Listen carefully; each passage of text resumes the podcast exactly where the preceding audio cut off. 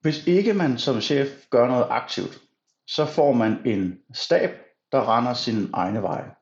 Det gør den ikke, fordi den er uartig eller unåder. Den er bare enormt fokuseret på proces og optimering og rationalitet.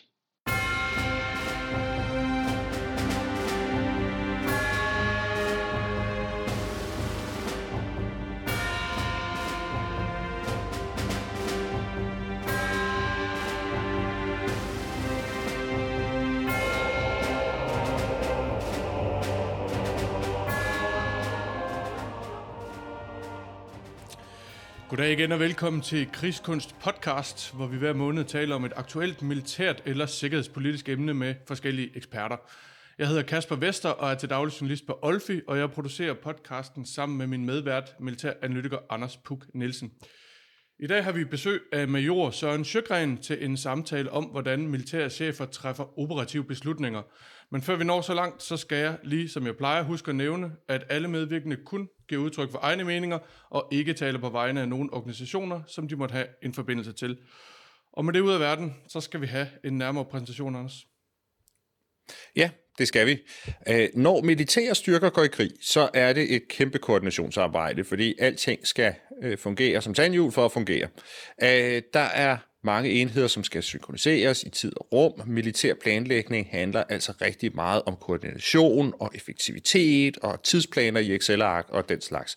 Militære stabe består derfor ofte af ganske mange mennesker, som er optaget af forskellige dele af den samlede plan. Men hvordan sørger man så egentlig for, at al den her planlægning også fører frem mod det rigtige mål? Hvordan kommer kreativitet og helikopterperspektivet og den slags ting ind i billedet?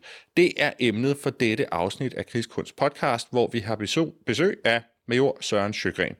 Øh, Søren er militæranalytiker ved Forsvarsakademiet, han er således min kollega, øh, men derudover så er han også i gang med at lave en Ph.D. ved Roskilde Universitet, hvor han undersøger operative beslutningsprocesser i relation til stabsarbejdet og militær doktrin. Og så har han lige udgivet artiklen What Military Commanders Do and How They Do It, hvor han undersøger, hvad operative chefer egentlig laver. Det er udgivet på uh, Scandinavian Journal of Military Studies. Um, og der undersøger han så, hvad er rollefordelingen egentlig mellem chefen og den militære stab, og det er altså nogle ret prominente navne, han har talt med uh, i det øh, arbejde, blandt andet øh, sådan nogle øh, berømte generaler som Jim Mattis og David Petraeus. Så Søren Sjøgren er den helt rigtige at spørge til de her øh, øh, problemstillinger. Søren Sjøgren, velkommen til Krigskund podcast. Tak. Øhm, før vi går i gang, Søren, så kunne det være, at vi lige skulle øh, starte med at få det helt grundlæggende på plads, fordi vi har nok ret mange lyttere, som ikke har prøvet at arbejde i en, i en øh, militær stab, eller sådan en stab, som, som det er, du taler om her. Så hvad er i virkeligheden sådan en, en militær operativ stab? Den militære stab er den flok af mennesker, der støtter chefen i chefens beslutningstagning. Så hvis vi starter med at tale om, hvad er chefen så for en? Jamen chefen er den, der træffer beslutninger. Så chefen er autoriseret til at give retning, til at koordinere og til at have kontrol med de militære styrker. Og på den måde tror jeg egentlig ikke, det militære chefvirke, i hvert fald på det niveau, adskiller sig voldsomt meget fra chefvirket i en civil virksomhed. Så der er også en CEO, der er, der, der er den, der skal træffe de endelige beslutninger. Til at støtte sig, der har den militære chef en stab. Og den militære stabs opgave er netop noget af det, vi startede, du startede med at introducere, øh, koordination, kontrol, analyser af alle de her forskellige delelementer, der, for, der, der skal til for at gennemføre en militær operation.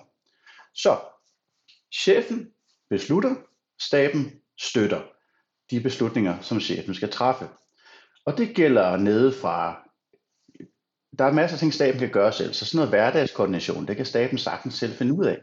Men det er altså også staben, der, der er med til at lave operationsplanen. Så i forhold til vores doktrin, så er det chefen, der giver en guidance. Tænk, tænk jeg forestiller mig, den øh, skibschefen også ude på et skib, Anders, der må du hjælpe mig. Men man sætter en retning, vi skal herhen, og så er der nogen, der hjælper med at finde ud af, hvordan kommer vi derhen? Hvad er det for nogle navigationsben, vi skal sejle efter? Hvad skal der til nede i maskinen? Hvad skal vi have ombord af, af olie og så videre? Så alt det her koordinationsarbejde, det er staben, der laver det. Havde det været chefen, så var han blevet fuldstændig overbebyrdet af opgaver. Så stabe støtter chefer. Men altså, hvor store er så nogle stabe? Øh, bare for altså, vi taler jo ikke om en stab, der sådan nogle af de her fredstidsstabe, dem der arbejder i øh, personalestyrelsen for eksempel. Altså, det er ikke den form for stab, vi taler om her. Altså, det er sådan en operativ stab. Det er folk, der, der arbejder vel med chefen ude i terrænet. De, kan du prøve at tegne billedet af, hvordan ser det ud der, hvor de arbejder? Altså, har de slået nogle telte op og, yes. ude i en skov, eller? ja, det har, det har de. Eller også så er de faste installationer, fordi de er blevet så store efterhånden. Så de, øh, den type enheder, jeg har undersøgt, er det, der hedder en division. Og en division er en landmilitær enhed øh, med ca. 15-20.000 soldater i sig. Øh, divisionen er organiseret enten i brigader eller regimenter, som er nogle mindre typer militærenheder. De har også deres egne stabe i øvrigt.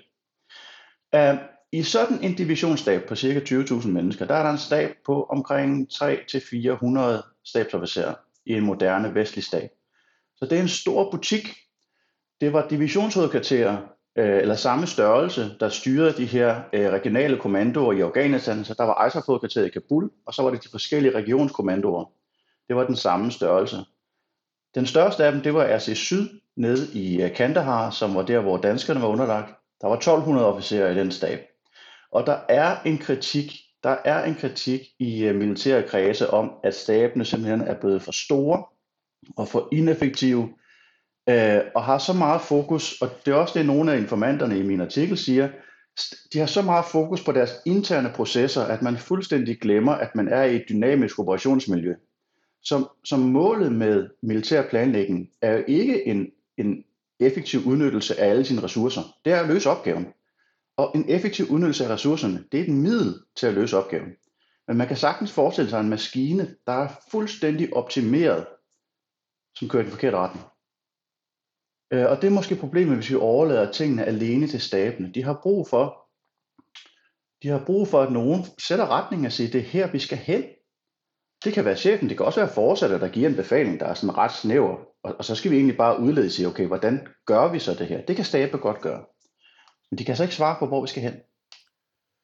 Nu øh, nævner du selv militærdoktriner. Hvis man læser i dem, altså hvad, hvad er så tanken med en stab? Hvad, hvad er meningen, at den skal udfylde af funktioner? Og er det, jeg kunne godt tænke mig at tilføje et spørgsmål, er det ens alle steder? Altså er en stab det samme i, i, i en dansk kontekst som i en amerikansk kontekst osv.? Lad mig starte med det sidste. Svar nej, det er ikke ens. Det er ikke det samme. Øh, der er kulturforskelle, men der er hjælpe med også forskel i doktriner. Så normalt, når vi taler over i, øh, i, i, i forsvaret, så siger vi doktrin i bestemte ental. Øh, I virkeligheden så er der et helt hierarki af doktriner, som beskriver ting fra det allermest abstrakte til, hvad skal vi sige, forholdet mellem det civile og det militære niveau, helt ned til, hvordan arbejder staben så med at koordinere de her processer. Øh, der er doktriner på forskellige niveauer også. Så enhver nation har typisk sin egen doktrin. Jeg tror også, der er forskel mellem værnene. Jeg forestiller mig, at en stabe i søværnet sjovt nok ser anderledes ud end en stabe i hæren. Og kunne hjælpe mig også, at stabe i forskellige herenheder ser forskellige ud. Så der er historie, der er doktriner, der er kultur, nationale doktriner, ovenover nationale doktriner, der er NATO's doktrin, eller doktriner, øhm, som også angiver noget. NATO's doktriner er jo sådan en forhandling, og noget af det, jeg finder i mit materiale, det er, at der er måske sådan en, øh, en engelsk-amerikansk skole at gøre tingene på, der er meget fokuseret på, at chefen har en ret, et ret stort og detaljeret indblik meget tidligt i planlægningsprocessen, og så siger til staben, vi skal den her vej. Hvor der så er en modsat øh, tysk tradition, som jeg tror også vi, vi vil sige, vi bekender os til her i Danmark, hvor chefen i mindre grad sådan giver meget direkte, vi skal sådan her, men siger, at vi skal cirka den her vej, og så overlader det til staben, der så skal analysere det her. I alt det, jeg lige har sagt, det forudsætter en hel masse ting. Der er, der er også et uddannelsesspørgsmål. Det nytter jo ikke noget at sige til nogle mennesker, der ikke ved, hvad de skal gøre, og sige, I skal bare finde ud af det, I skal cirka den her vej. De skal have nogle redskaber for at kunne, for at kunne arbejde med det. Så, og det er måske det, der er problemet, når man sætter sig ned og undersøger det her. Jeg startede ikke mit projekt med at skulle undersøge det operative chefvirke. Jeg, jeg har en baggrund, jeg har en akademisk baggrund i filosofi, jeg interesserer mig for doktrin som en form for viden, og mit projekt handler grundlæggende om, hvordan omsætter vi den her form for viden til en operativ plan. så det er cheferne selv, der har bragt det på banen, at stabe lukker sig om sig selv. Øhm, og det er også chefer, dem jeg har talt med, og det er jo også min egen erfaring sådan set, at, at det kan være en enorm ensom post at, at sidde og skulle træffe de der afgørende beslutninger. Og jeg tror, at vi i meget af vores ledelsesteori tit taler om, at det er sociale processer, det er noget, vi har sammen og samskabelse, og, og det er også rigtigt. Men der er også den afgørende forskel i autoritet i, at når tingene bliver rigtig svære, så er det en, der er autoriseret til at træffe beslutningen, ikke et kollektiv. Så, så svaret på spørgsmålet er vel, at stabe, stabe hjælper chefer med at træffe de beslutninger, men det er chefen, der træffer de her afgørende kritiske beslutninger. Og de kritiske afgørende beslutninger, det er ikke, det er ikke en struktur eller et system, sådan som vi lærer i vores planlægningsprocesser. Det er det, staben arbejder efter. Når jeg spørger cheferne, hvordan de træffer beslutninger, så siger de mavefornemmelser, øh, hvad kalder vi det på dansk, opklaringsnæsen, der lyser, øh, intuition. Og intuition er ikke sådan noget underligt hokus pokus. Intuition er mønstergenkendelse. Det er i hvert fald det, forskningen siger. Så når man har set ting nok gange, så kan man træffe beslutninger hurtigere med meget færre, beslut, øh, med meget færre input, for man kan genkende mønstrene. Men det er vel et eller andet sted lidt i, øh, i modsætning til noget af det, vi går og øh, fortæller os selv, og i hvert fald sådan et sted som øh, Forsvarsakademiet, hvor vi jo meget, hvor vi underviser i sådan noget som, som stabsprocedurer, og hvor det et eller andet sted jo ligger implicit, at de her stabsprocedurer øh, i sig selv, skulle, hvis man følger dem, så, så fører det frem til, en, øh, til, til, til noget, der er godt. Øh, en god beslutning. Øh, øh, er, er, er, er, det, er det rigtigt forstået, sådan at der ligger en eller anden i doktrinen, en eller anden antagelse om, at man kan lave nogle, øh, nogle procedurer for stabsarbejdet, hvor man får alle de her ting frem. Øhm, fordi nu kommer du og nævner sådan nogle ting som intuition og mavefornemmelse og sådan noget. Ja, øh, ja det er jo ked af, hvis jeg ødelægger øh, billedet for, øh, for folk. Øh, jeg, jeg, tror, jeg tror, de fleste af os godt kan forstå, når vi siger det her, så der er sådan nogle, der er nogle ting, man ikke rigtig kan sætte på regel. Øh, og hvis man sætter dem på regel, så kan det være, at det kommer til at tage enormt lang tid at ligesom gennemtænke, for at vi kan, for at vi kan komme i gang med det. Så ja, det er rigtigt. Vi underviser i det, vi kalder strukturerede beslutningsprocesser. Og jeg tror også, at vi har en implicit forestilling i professionen om, at hvis man laver nok strukturerede beslutningsprocesser, så bliver man også dygtig til at træffe intuitive beslutninger. Vi må bare konstatere, at det er ikke det, forskning, det er ikke det, forskningen siger. Forskning siger, at hvis man skal være god til at træffe hurtige intuitive beslutninger, så skal man træffe mange hurtige intuitive beslutninger. Og man skal prøve på egen krop, hvad konsekvenserne de er. Og igen, de chefer, jeg taler med, det de, når de siger, når jeg spørger dem, ligesom, hvad, om de kan nævne noget, der var enormt formativt for deres karriere, så siger de med det samme topartsøvelser. Topartsøvelser i den forstand, at man har været på en øvelse, hvor man netop har gjort alt det rigtige. Man har gjort alt det, man har, man, alt det, vi, vi lærer folk i planningsprocessen, så ender man med en plan, der er sådan øh, korrekt i gåsøjne, men hvor man bliver kørt over af modstanderen, fordi ens plan også er forudsigelig. Så det er det her element af, at der er en aktivt tænkende modstander, som lidt forsvinder, hvis vi kun laver en analyse. Problemet med analyse, det er, for at analysere ting, så bliver vi nødt til at holde dem stille og stabile. Og så kan vi kigge på dem, og vi kan udvide en hel masse ting. Og det fungerer rigtig godt, når vi skal lave den her effektive synkronisering af midlerne, som vi talte om, og koordinationen. Det er bare uheldigt, hvis situationen så ændrer sig. Og det gør den. Det må vi jo forvente, den gør i krig.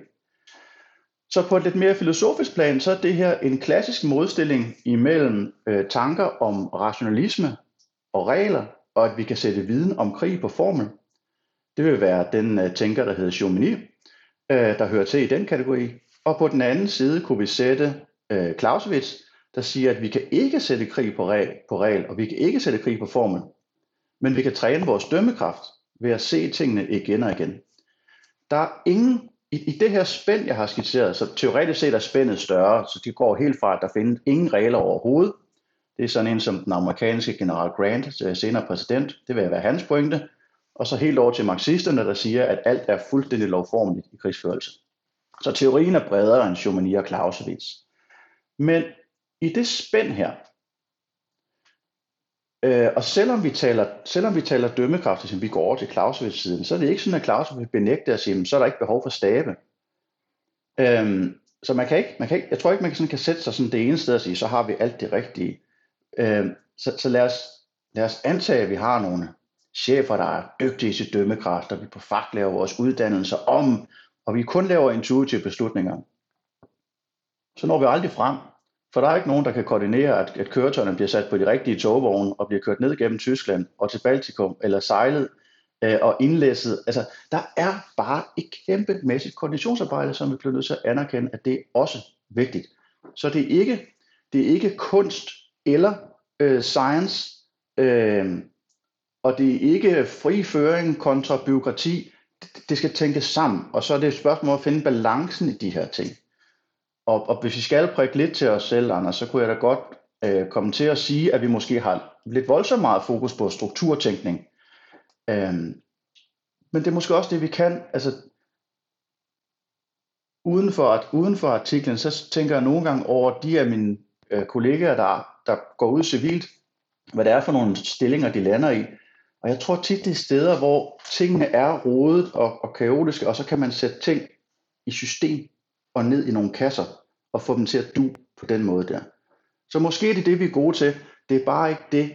Det er ikke det eneste, man skal som topchef.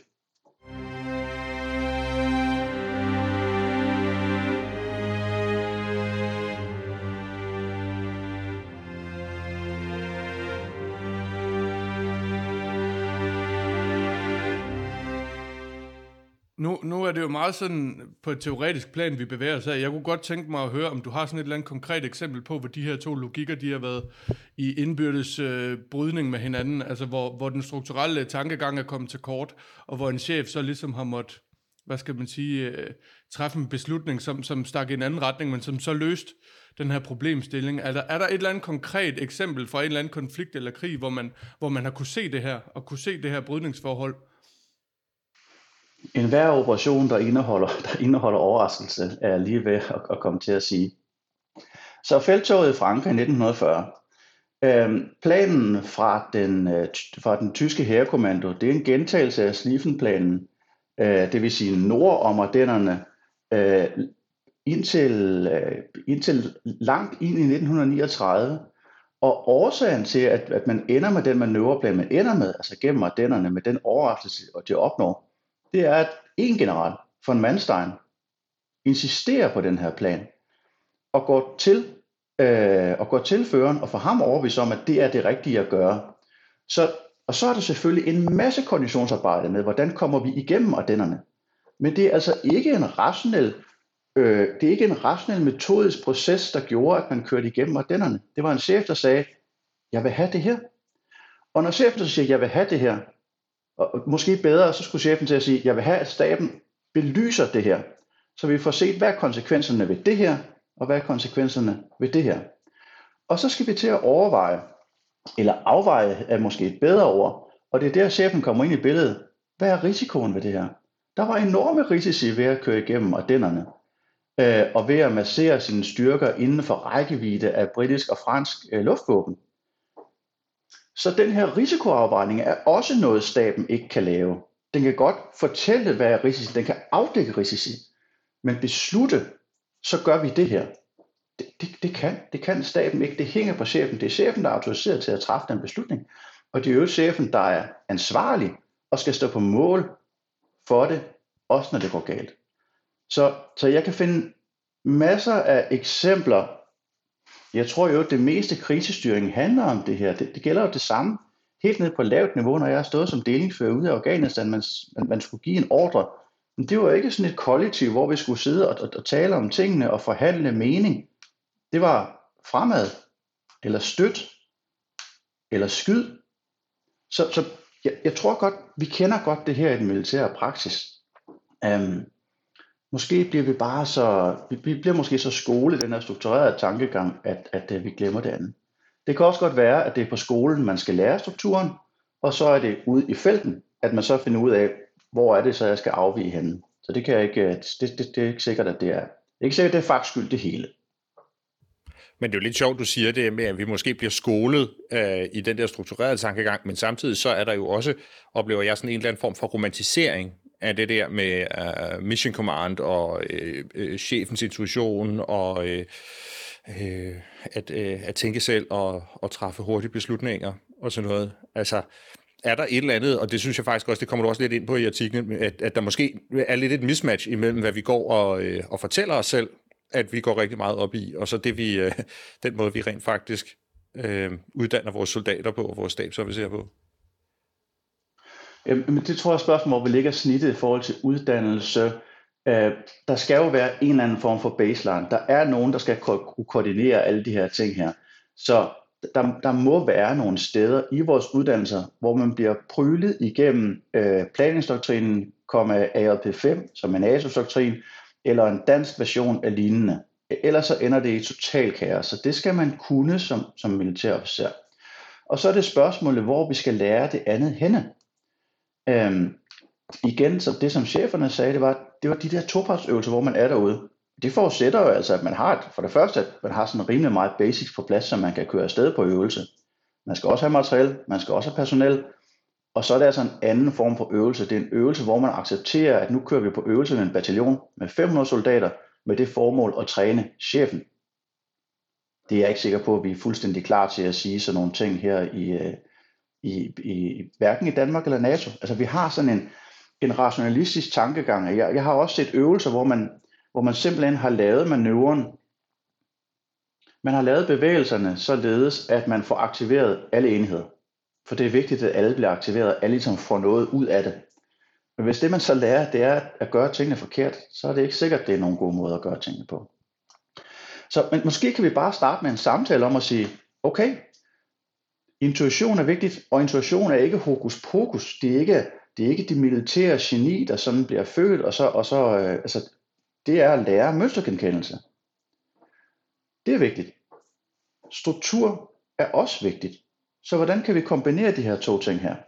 Og hvis ikke vi kan lave topartsøvelser, øh, så vi har jo i hvert fald i, i, i herren sender vi jo nogle gange øh, enheder, det er kompanistørrelse, på, øh, på træningsophold ned i Tyskland.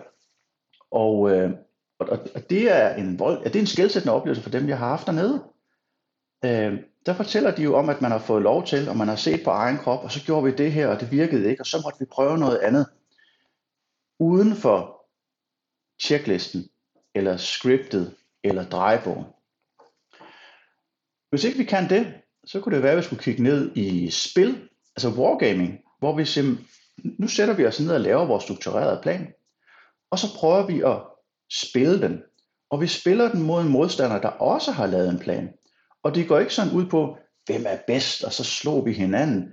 Det går ud på at prøve det her det, det går ud på at prøve at se, at hvis det, der er fuldstændig optimeret og struktureret, det er også forudsigeligt, så bliver det rigtig svært at udføre i virkeligheden. Og, og der, igen, der er rigtig mange af, af de chefer, jeg har talt med, som peger på det her. Og igen, det, det er balancen, der er vigtig. Og jeg må jo konstatere, at jeg har været i forsvaret siden 2000. Jeg har aldrig været på en topartsøvelse. Jeg har aldrig været på en øvelse, hvor, hvor, hvor, øh, hvor, hvor modstanderen ikke agerede i forhold til en løbenummerliste, som var designet til at udfordre mig som øvelsestager, eller hvor jeg var låst i hver måtte som den, der var på modstanderens side.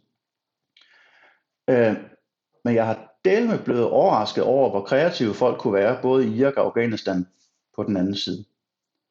Øhm, så, så det, jeg kunne godt tænke mig, at vi kunne starte en samtale om balancegangen, og en samtale om, hvor er det, vi forbereder vores militære fører til at være den, der står alene og skal træffe de her afvejninger om risici, og hvordan vi så bruger staben fornuftigt til at afdække risici og hjælpe os med at træffe beslutningerne. Bare, bare lige for at være, øh, være sikker, det, når du siger topartsøvelse, det du mener, det er, at der er to øh, militære enheder, der i virkeligheden kæmper frit spil mod hinanden. Det, det, ja, det er sådan, det var, to parter ja. på det, yes. over, over for hinanden. Det er det, jeg i virkeligheden mener. Ja, tak. øh, det, jamen, det var måske øh, øh, anledning til så at komme frem til den undersøgelse, du har lavet. Øh, altså, vi har allerede øh, kredset om det rigtig meget. Men altså, hvis du skulle sætte nogle ord på, hvad er det egentlig, du har undersøgt, og, øh, og hvordan har du gjort det? Øh, hvem, hvem, har, hvem har du talt med, og sådan noget? Kan du øh, prøve at sætte nogle, nogle ord på det? Ja, som sagt, hele, hele PhD-projektet startede, øh, handler om, hvordan omsætter vi doktrin? Hvordan anvender vi doktrin? Og, øh, og der er en masse underspørgsmål i det, under hvad, hvad er doktrinen overhovedet for noget? Og der er den her skældning, som igen, Jomini, Clausewitz, øh, men der er også, hvad det er, vi indlejer. Hvad er det, vi uddanner i? Så det kan godt være, at vi siger øh, fri føring og dømmekraft, men hvis det, vi uddanner i, det er processer og strukturer, så får vi sjovt nok processer og strukturer, og ikke ret meget andet. Øh, så det startede egentlig med, at jeg har fulgt en, øh, en multinational NATO-stab i, i dens træningscyklus i et år. Og så skulle jeg bare, jeg skulle bare lige have et par interviews med et par chefer for, for at forstå øh, chefens rolle i øh, beslutningsprocessen, altså i den militære planlægningsproces. Og der er to steder, hvor chefen, i hvert fald jævnført doktrinen, er enormt synlig. Det er i starten, hvor chefen siger til staben, jeg tror, vi skal den her vej, eller værsgo, her er opgaven, det er det, jeg har fået fra fortsat, I skal hjælpe mig med at, at afveje det her. Og så er det til slut, hvor staben har analyseret alle de her ting, og så anbefaler et eller andet. Der er det chefen, der sidder for bordenden og træffer en beslutning.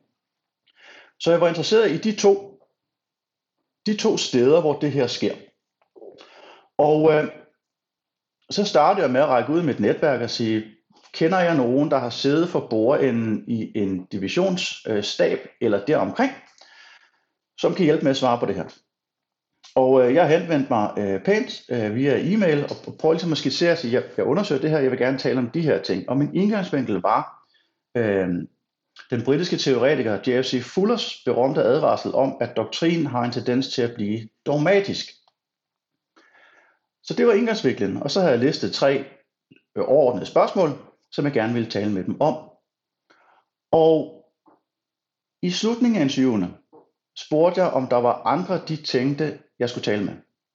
Så det hedder snowballing i akademikersprog, øh, og det tog godt nok en øh, uventet drejning, og det, tog, det gik rigtig stærkt lige pludselig. Øhm, så jeg, jeg blev anbefalet fra, fra, fra, hvad skal vi sige, den ene general til den næste, øh, udenom adjudanter, ned i den private inbox, typisk med en kort ledelse om, at det var faktisk en rigtig spændende samtale, vi havde haft. Måske fordi, jeg kommer, jeg kommer jo ikke udefra som, som hvad skal vi sige, den, den normale forsker.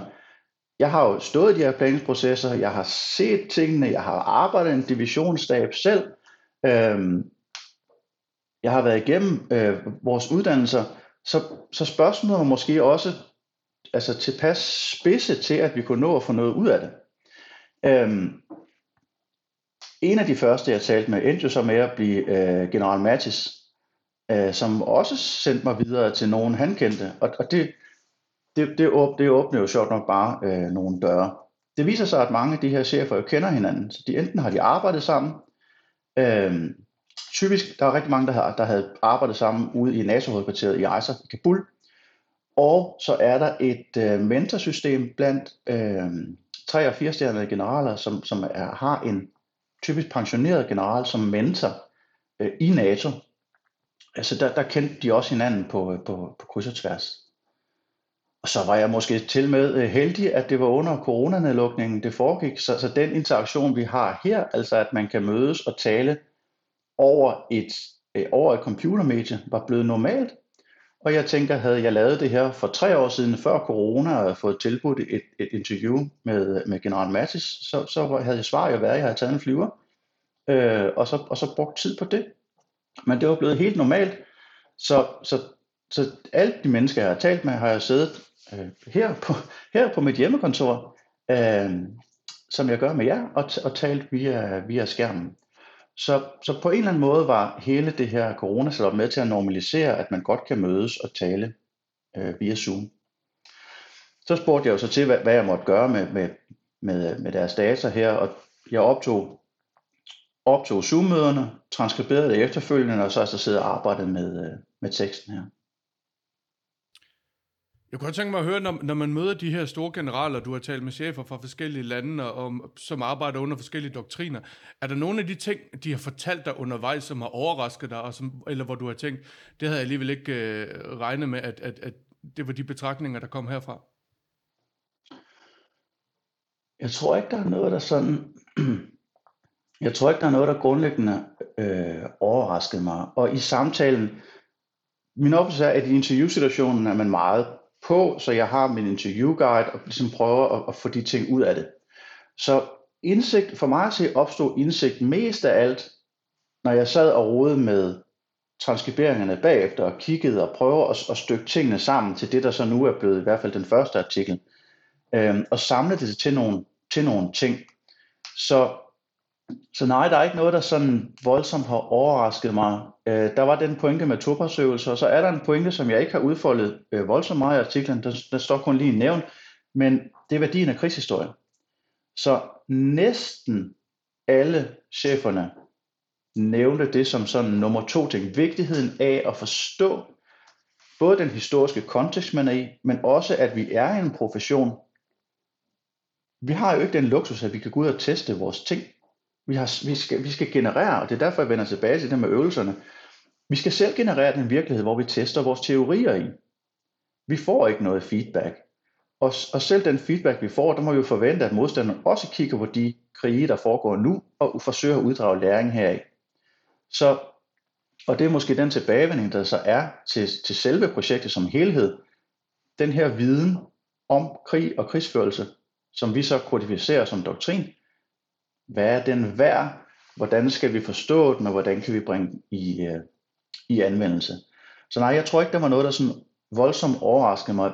Det, der måske virkelig overraskede mig mest, det var, at de tog sig tid til at, til at, til at tale med, øh, med, med Søren fra Falster, der er i gang med et phd projekt på RUK. Øhm, og jeg har, jeg havde, jeg, jeg, jeg var ude et enkelt sted til en konference, og en civil forsker, der sådan nærmest, øh, ja, der, der, der er også et vis hierarki i forskerkredse, ikke? Øhm, og, og der er jeg, øh, der er jeg nederst på stigen, fordi, fordi jeg ligesom er et af de nye. Øhm, men men jeg, jeg fremlagde noget af min øh, analyse, og så fik jeg et spørgsmål efterfølgende sådan en, hvorfor Hvorfor ville øh, general Mattis tale med mig? Underforstået, ikke med forskeren. Jamen måske, måske handler det om, at jeg har stået ude på jorden i flere af de generaler, jeg har talt med. Jeg har jo, jeg har jo lavet deres operationer. Så ham, der var divisionschef, mens jeg rådede rundt ned i Helmand-provincen som delingsfører, ham, der sad i, i Kandahar og beordrede rundt med tingene, ham har jeg også talt med. Så, og det vidste jeg ikke, før vi ligesom fik talt sammen om, hvad, hvad havde vi egentlig lavet, og hvor var vi. Så, så der er måske noget i det, at man kan bruge sin, sin rolle som insider, og, og det er ikke sådan en shaming, at jeg har været i dine operationer, men, men det er måske, at måske har man en anden forståelse, og det kan, det kan man selvfølgelig også i forskningsverdenen problematisere, om jeg nu kan forholde mig helt objektivt til, øh, til, til, det, til det hele. Men det har i hvert fald gjort, givet mig mulighed for at stille nogle spørgsmål, som jo har været så tilpas interessante til, at de her generaler har sendt mig videre til de næste. Og så er det jo helt almindelige mennesker, øh, som også, man kan godt mærke, at det er nogen, der er vant til at tale. Og, og flere af dem er rigtig gode til at sige, nu har jeg talt nok, svarer jeg på dit spørgsmål. Får du det, du skal bruge? Øhm, og, og så har jeg mødt, ligesom man gør i Zoom-møder, så jeg har mødt øh, generalernes hund, jeg har mødt generalernes børnebørn, jeg har mødt, øh, altså alle dem, der kommer væltende i, i, i tid og utid. Så de er der, de er, selvfølgelig, de er selvfølgelig ikke med i materiale, men, men de er her jo også. Ikke?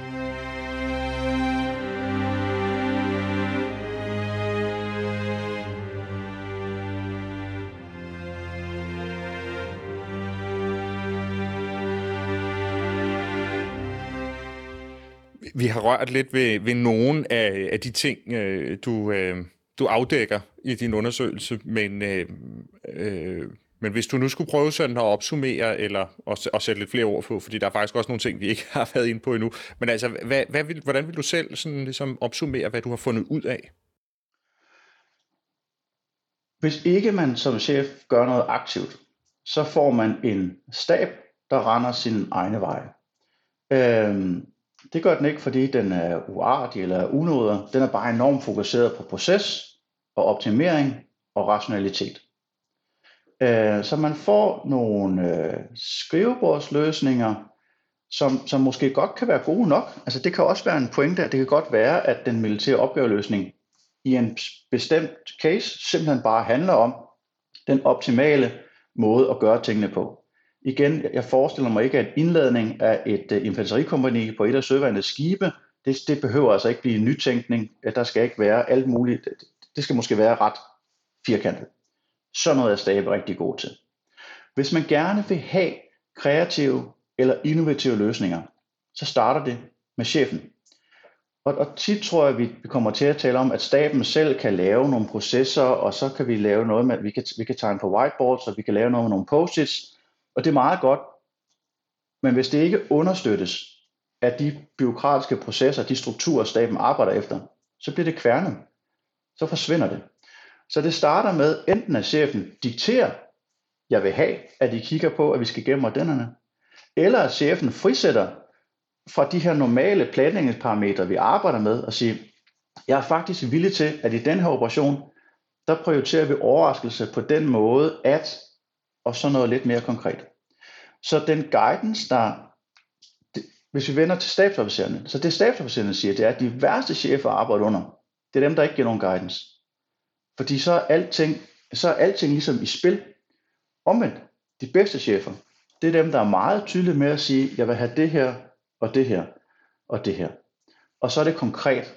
Det er ikke sådan nogle abstrakte ting, som planen skal være overraskende og fleksibel og have mindst, mindst mulig collateral damage. I retorisk sammenhed, der er det en plathed, og plathed er det udsagn, der ikke betyder noget. Og man kan prøve at sætte omvendt udsagn, sige, at jeg vil have en plan, hvor der er mest muligt, øh, mest muligt utilsigtede følgevirkninger. Den skal være totalt ufleksibel, og så skal den være dogmatisk. Det er der ikke nogen chef, der nogensinde vil sige. Så den guidance med, at tingene skal være overraskende fleksibel, den er ligegyldig. Og så vender vi lidt tilbage til, til spørgsmålet, så handler om, hvordan træner vi chefer til at gøre det her? Og, og igen, som sagt, dem jeg har talt med har nogle bud, og hvordan det så skal oversættes i en dansk kontekst, det kan jeg ikke, øh, det, det er måske ikke den eneste, der skal give mine, øh, mine bud på. Men i hvert fald kan vi starte med måske at gribe egen barm over på Institut for Militære Operationer, hvor jeg er ansat, og så kigge på wargaming, øh, simulering, om, om der var nogle ting, vi kunne gøre for at prøve de her ting af, så man oplever, at der er en modstander, der aktivt tænker, og hvis man er dogmatisk i sin tilgang, uanset hvor koordineret og synkroniseret ens tilgang er, så bliver det rigtig svært at gennemføre sine, øh, sine operationer. Så, stab, byråkratier har en tendens til at lukke sig om sig selv, og hvis de skal andet, så kræver det altså, det starter med chefen. Og så er der alle de her så er der alle de tiltag, vi kan lave ned i staben til, hvordan gør vi så, og hvad kan vi brainstorming, alle de her fifs. Det er rigtig fint. Men hvis ikke der er en chef, der understøtter det, så dør det fuldstændig ud. Nu nævnte du øh, tidligere, øh, at, at der, er ikke, der er ikke som sådan noget i, i svarene fra de her øh, generaler og militære ledere, der sådan, som sådan overrasker dig. Jeg frister sådan til at spørge, er, er, er det her ny viden? Det lyder lidt til, at du har fået bekræftet nogle ting, du vidste i forvejen gennem dit eget virke i en stab og gennem dit eget chefvirke. Er det her er det ny viden, eller er det nye i virkeligheden, at du udbreder det til nogen uden for det militære system? Ja, det er jo nyt i den forstand, at det stiller spørgsmål til den måde, vi strukturerer vores uddannelser på, og den måde, vi normalt opererer stab på. Altså, altså det er en kendskærning, at vores militære stabe bliver større og større, fordi vi har en idé om, at kamppladsen bliver mere kompleks, og vi skal kontrollere mere og mere. Så det er en eksisterende debat. Og, og der kom en bog her for et par år siden af en britisk sociolog, der hedder Anthony King, der beskrev den her proces med, at stabene bliver større, som en form for professionalisering af den militære praksis. Men der er flere måder at være professionel på, og der er flere måder at træffe beslutninger på. Så for mig, for mig ser det måske et spørgsmål om at tage den beslutningsteori, der allerede findes, øh, Kahneman strukturerede processer, og så kigge på den, det andet, der også findes. Alt det her med intuition. Så, så at, nej, det er, det er vel ikke sådan groundbreaking øh, nyt, men det er en replik både til vores strukturerede metoder, som vi arbejder med, men det er måske også en replik til meget af vores ledelsestænkning, der, der for mig at se, både i det militære system, men også civilt, handler om, om flade strukturer og sociale processer, og dem er der rigtig, rigtig mange af. Igen, jeg kan bare fra min egen karriere mærke, at, at der er nogle helt særlige steder, hvor man står fuldstændig alene som chef og skal træffe nogle afgørende beslutninger. Jeg tror, vi skal tale noget mere om dem. Jeg tror, det er der, at professionalismen er, eller en del af vores militære professionalisme er, det er at kunne, at kunne stå alene og træffe de her beslutninger, og stå til ansvar for dem efterfølgende øvrigt. Øhm, så, så, så igen, jeg, jeg forventer jo ikke, at der er nogen revolution på baggrund af, at jeg, jeg har siddet her ved computeren og skrevet en tekst, jeg, jeg har fået udgivet. Men måske kunne vi have en samtale om den anden del, den anden måde at træffe militære beslutninger på. Og så i øvrigt over, som, med afsæt over for forskningslitteraturen øh, og i mit eget her, det er ikke hokus pokus. Det er ikke et militært geni. Det er ikke umuligt. Det, det er organisationen, der har et behov for, at nogen siger sådan her, ja eller nej, eller jeg er villig til at påtage mig den her risici, og ikke øh, de her risici, og ikke de her risici. Så det håber vi kunne have en, en samtale om fremadrettet, øh, både på fag, men også måske bredere i, i vores profession. Det er det nye. Jeg kunne godt tænke mig lige at, øh, at stille dig et spørgsmål til det, som du kalder, øh, hvad kan man sige, kommandomiljøet, the, the, the command climate her, hvor du øh, har et øh, citat fra Jim Mattis, øh, som jeg synes er, er, er meget interessant, hvor han, han siger i store træk, at altså, der er faktisk ikke nogen mennesker i, i verden her, der er mere øh, sammenlignelige med Gud end en general på en slagmark. Øh, og man er simpelthen omgivet med folk, der er folk, der vil fortælle dig, at du er genial, og som griner af de dummeste vidtigheder, du kan finde på. Og at man derfor som, som fører har et behov for at have nogen omkring sig, som ikke gør det der. Altså man skal aktivt opsøge det der med at have nogen, der er på tværs, som, som man på en eller anden måde har i sin, øh, i sin inderkreds. Kan du, kan du prøve at... Øh, at uddybe, hvad, hvad det går ud på? Ja, altså vi har, det er jo ikke sikkert, at vi havde forventet, at de Matti skulle belære os om, øh, om diversitet. Øh, men der, det er så det, vi er nået til. Øh, det, det, det er også en ting, som rigtig mange af de militære chefer nævner. I, I den ideelle verden, så burde den rationelle og strukturerede tilgang jo gøre, at det her, det sker ikke. Måske handler det om, at den rationelle og strukturerede tilgang ikke er så rationel og struktureret i virkeligheden, men at der også i den proces er en masse intuitive slutninger, som stabsofficererne skal gøre sig. Det militære system er et hierarki, og hierarkier de er disciplinerende. Øh, og der er rigtig mange af cheferne, der oplever, at de har stået steder, hvor det var tydeligt, at stabsofficererne de fortalte det, som, chefen, som de troede, at chefen gerne ville høre. Men så bliver planen jo ikke udfordret. Og det kan godt være, at det er fint nok i en øvelseskontekst, at vi alle sammen er enige, og at, at, at i øvrigt bekræfter, at vi kan være enige. Men i den virkelige verden, der er der, der, er der virkelige menneskers liv og førlighed på spil. Så cheferne er død afhængige af, at nogen udfordrer dem. Og, og det er ikke, det, det er jo ikke sådan en udfordring, det, det handler ikke om at være på tværs, det er ikke det, det går ud på. Men det går ud på, at hvis vi accepterer den her præmis med, at man kan lave intuitive slutninger, og i øvrigt der også kan være fejl i den strukturerede proces, så er vi drøn afhængige af, at der er nogen, der kan tænke en lille smule anderledes og sige, hov, øh, de der masseødelæggelsesvåben i Irak, er vi nu helt sikre? Øh, eller andre fejlslutninger, hvor vi bliver fanget i det. Vores løsning plejer at være strukturerede processer. Øh, at vi så kan at vi så kan komme ud over bias. Men det kunne også være, at løsningen kunne være mere intuition, eller flere folk, der forsøger med deres intuition. Så jeg, jeg tror, at, at hvis vi skulle kigge på sådan på den militære planningsproces, så tror jeg, vi skal holde fast i at sige, at der er en struktureret proces, sådan her. Det er sådan her, vi gør det.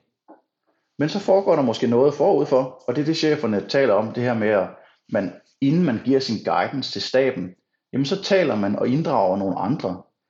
Øhm, og så giver man guidance og starter den her maskineproces, som bliver sådan maskinel og firkantet og sætte i system. Og det er helt fint. Og så til slut, når man skal træffe en beslutning, så kan det være, at vi ligesom prøver at åbne tingene op igen. Så selvom vi accepterer, at nogen har autoritet til at føre kommando. Og at de her mennesker på en eller anden måde kan uddanne sig, de bliver sådan en art eksperter, så er det ikke sådan et guddommeligt billede. De er ikke alvidende, og de er drønafhængige. Det siger de selv, det siger teorien. De risikerer også at kunne tage fejl. De er drønafhængige af, at nogen siger, jeg, jeg ser tingene på en anden måde. Så er der selvfølgelig tid og sted for alt det her.